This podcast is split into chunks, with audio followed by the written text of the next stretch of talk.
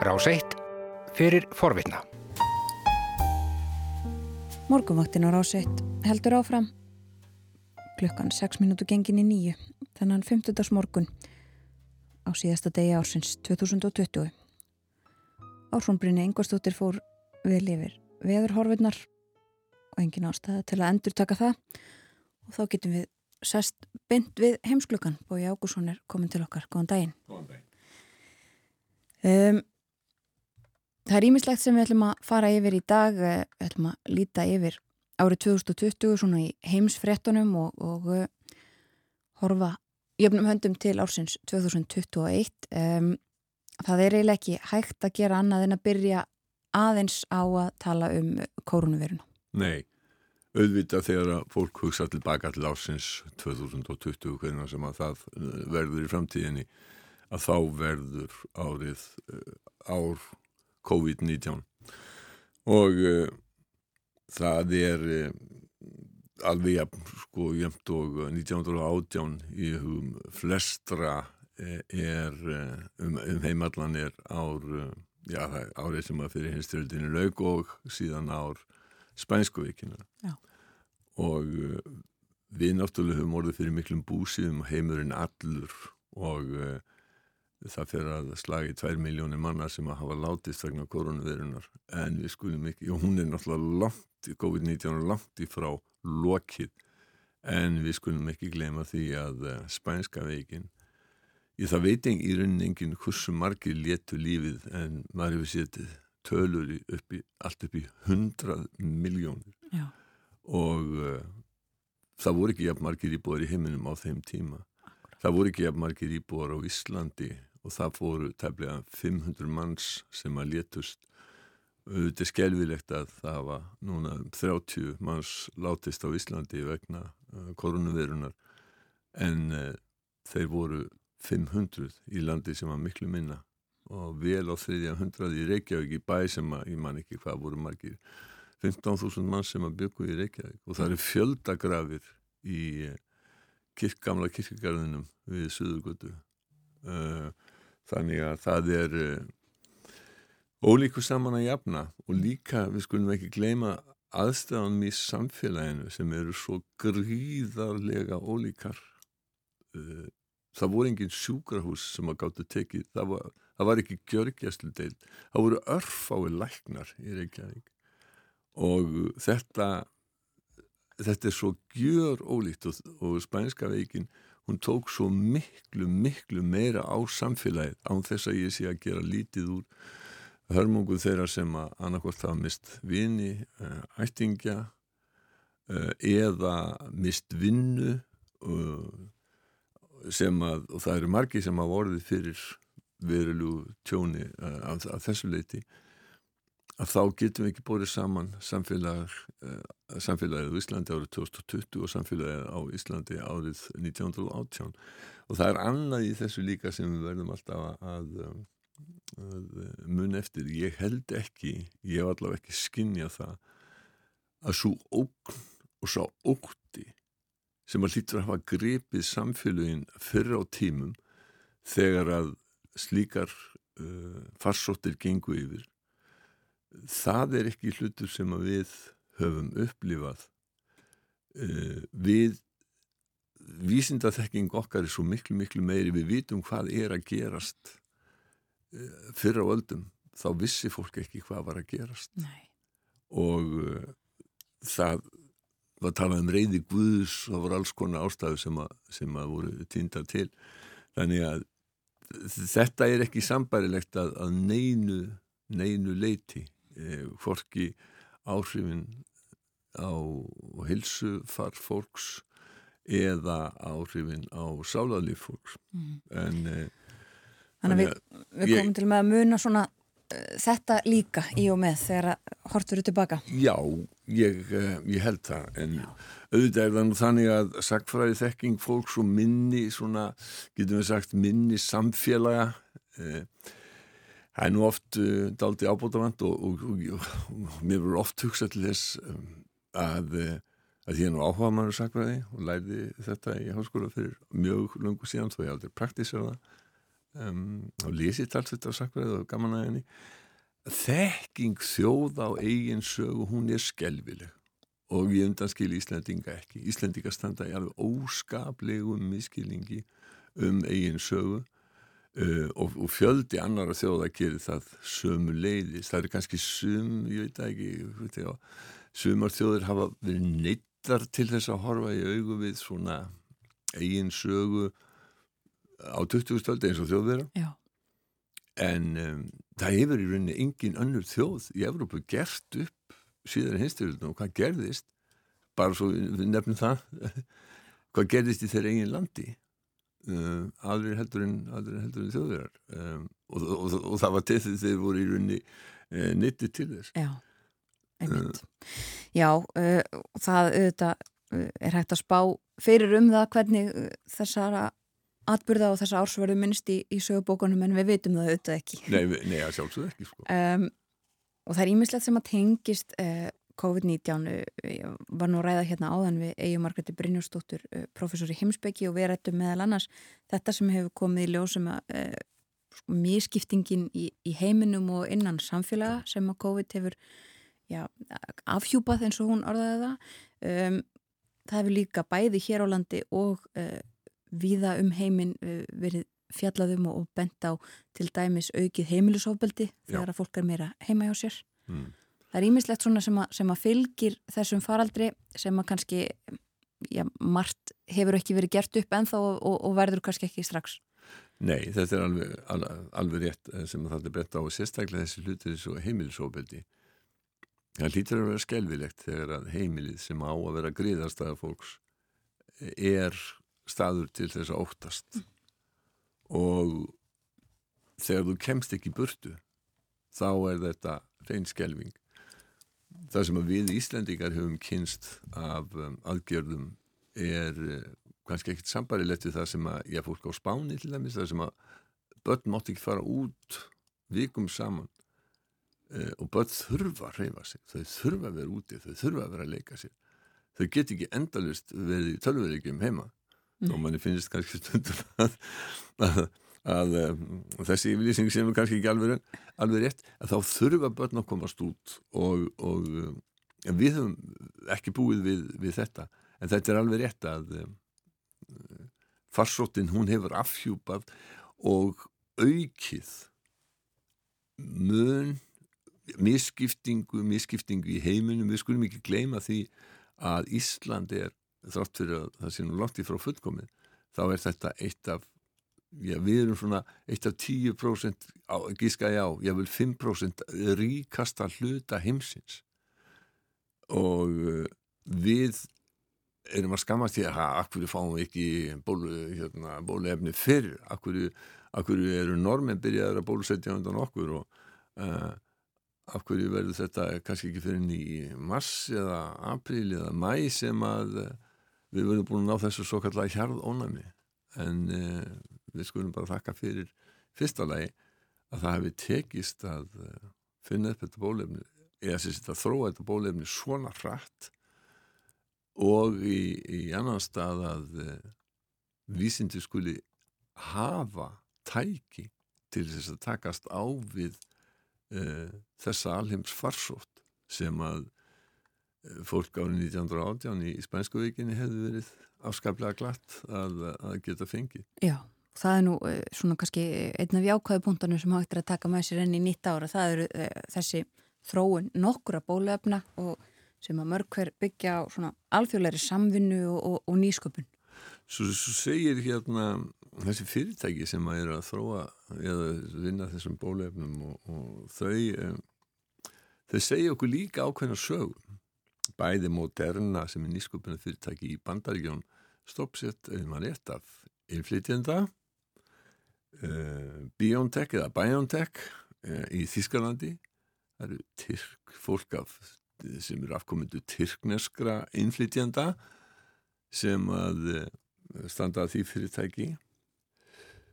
Samvinna sko og það er í, í samvinnu við bandærist fyrirtæki, það er mjög mikil AstraZeneca og Oxford háskóli. Það er mjög mikil alþjóðleg samvinna sem þarna hefur tekist sem að sínir okkur það að alþjóðleg samvinna er af hinnu góða.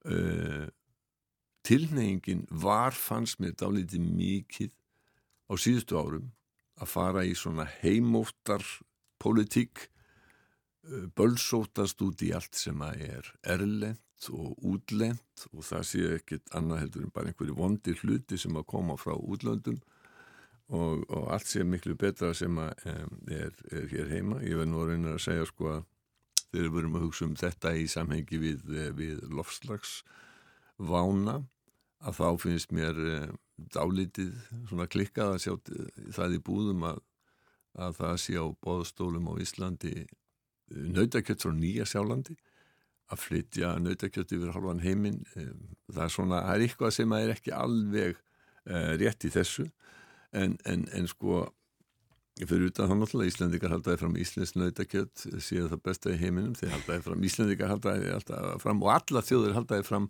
að þeirra vatn, þeirra kjöt það sé það besta af, af öllu. Maður sér þetta í umræðu allstaðar í heiminum.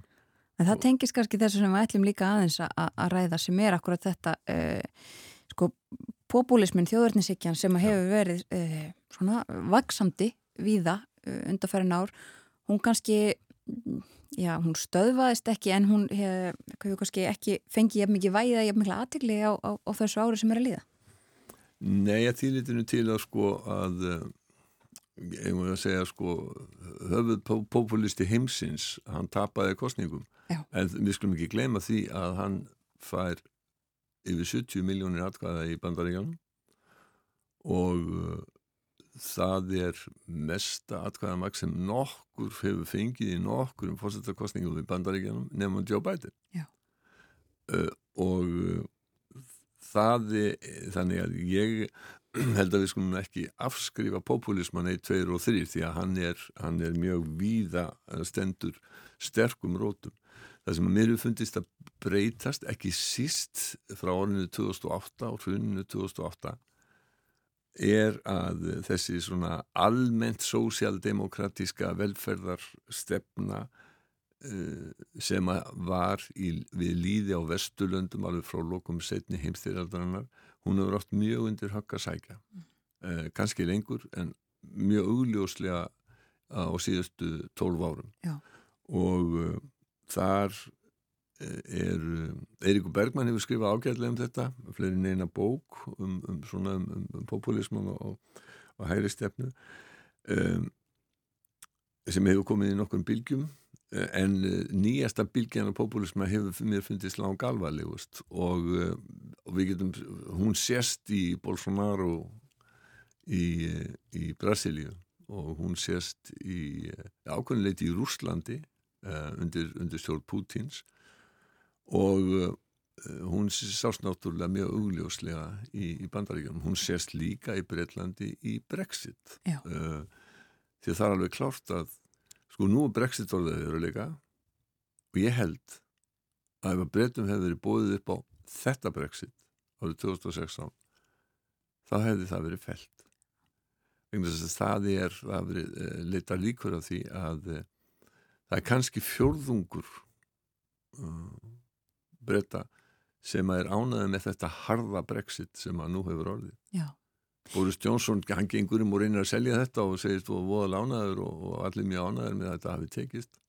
Já, þannig að sko einmitt, þó að það sé verið að undir þetta samning og það er svona gert með pomp og prækt, þá er þetta, þetta tekur á takmörkuðum hluta uh, og þú segir, uh, þetta er enga síður hart brexit. Þetta er mjög hart brexit. Það verður ekki sagt neitt annað. Uh, ég rætti við breska sendiðar, Michael Nevin, um, í, í, í gær fyrir Kastljós um, og við hefum getið að tala miklu, miklu lengur ég hef getið að spurta hann hérna, miklu fleiri spurninga. Eitt aðeins sem ég, við talaði lítið um þann er það, eru takmarkanir á, á þessum Brexit samningi sem að, nú eru sem að Boris Johnson er að veifa sem einhverju, einhverju hérna, gríðarlega flottu og góðu plaggi og miklu márangri og, og, og miðflokkurinn í Noregi, Centerpartiet, er að segja sér sko, miklu betri heldur en EES samningurinn sko þessi samningur Brexit samningurinn hvað var það viðskipti, hann er um vöru viðskipti vöru viðskipti skipta breyta eða vöru útflutningu skipti breyta ekki nærri eins miklu máli og þjónustu uh, útflutningur. Uh, það er miklu stærri partur af bresku efnahagslífi heldur en, heldur en uh, svona bein gammaldags vöruframlisla og það er ekki samningur. Það er ekki samningur. Og þetta, ég, ég skil ekki umræðinarstundum Breitlandi, af hverju er þess ekki hérna veifa framann hér. Le Monde skrifaði e, í síðustu viku að þá segður sko að, að breska stjórnin hún hefði lagt höfuð áherslu á sjáurúteg og fiskveðar sem að væru innan við 0,1% af þjóðarframlýslu breyta innan við 0,1% af þjóðarframlýslu breyta og uh, þar vinna og, og veitir 12.000 manns atvinnu.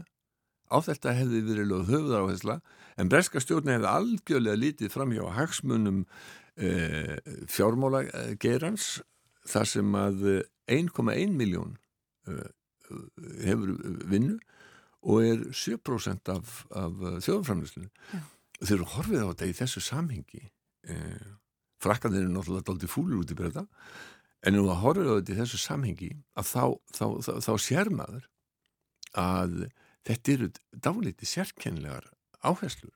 Sjáurútug skiptir öllu á Íslandi. En hann skiptir, sko, þjóðhagslega skiptir hann engu máli í Breitlandi. Nei.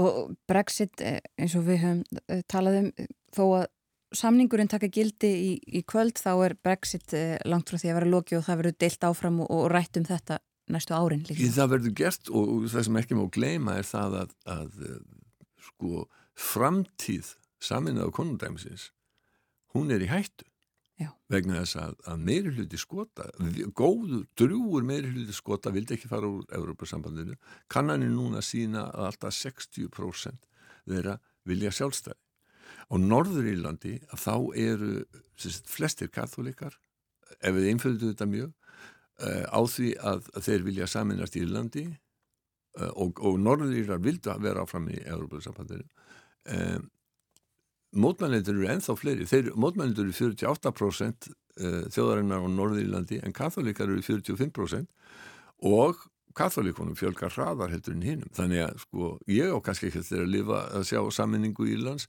en það er alls ekkert ólíklegt að hún verði á, á, á já, hvað ég maður segi, eftir 15-20 ári eitthvað slur, ég taka fram ég vesti spámaður í heimi en ég held að sé, það gæti verið miklu stittra.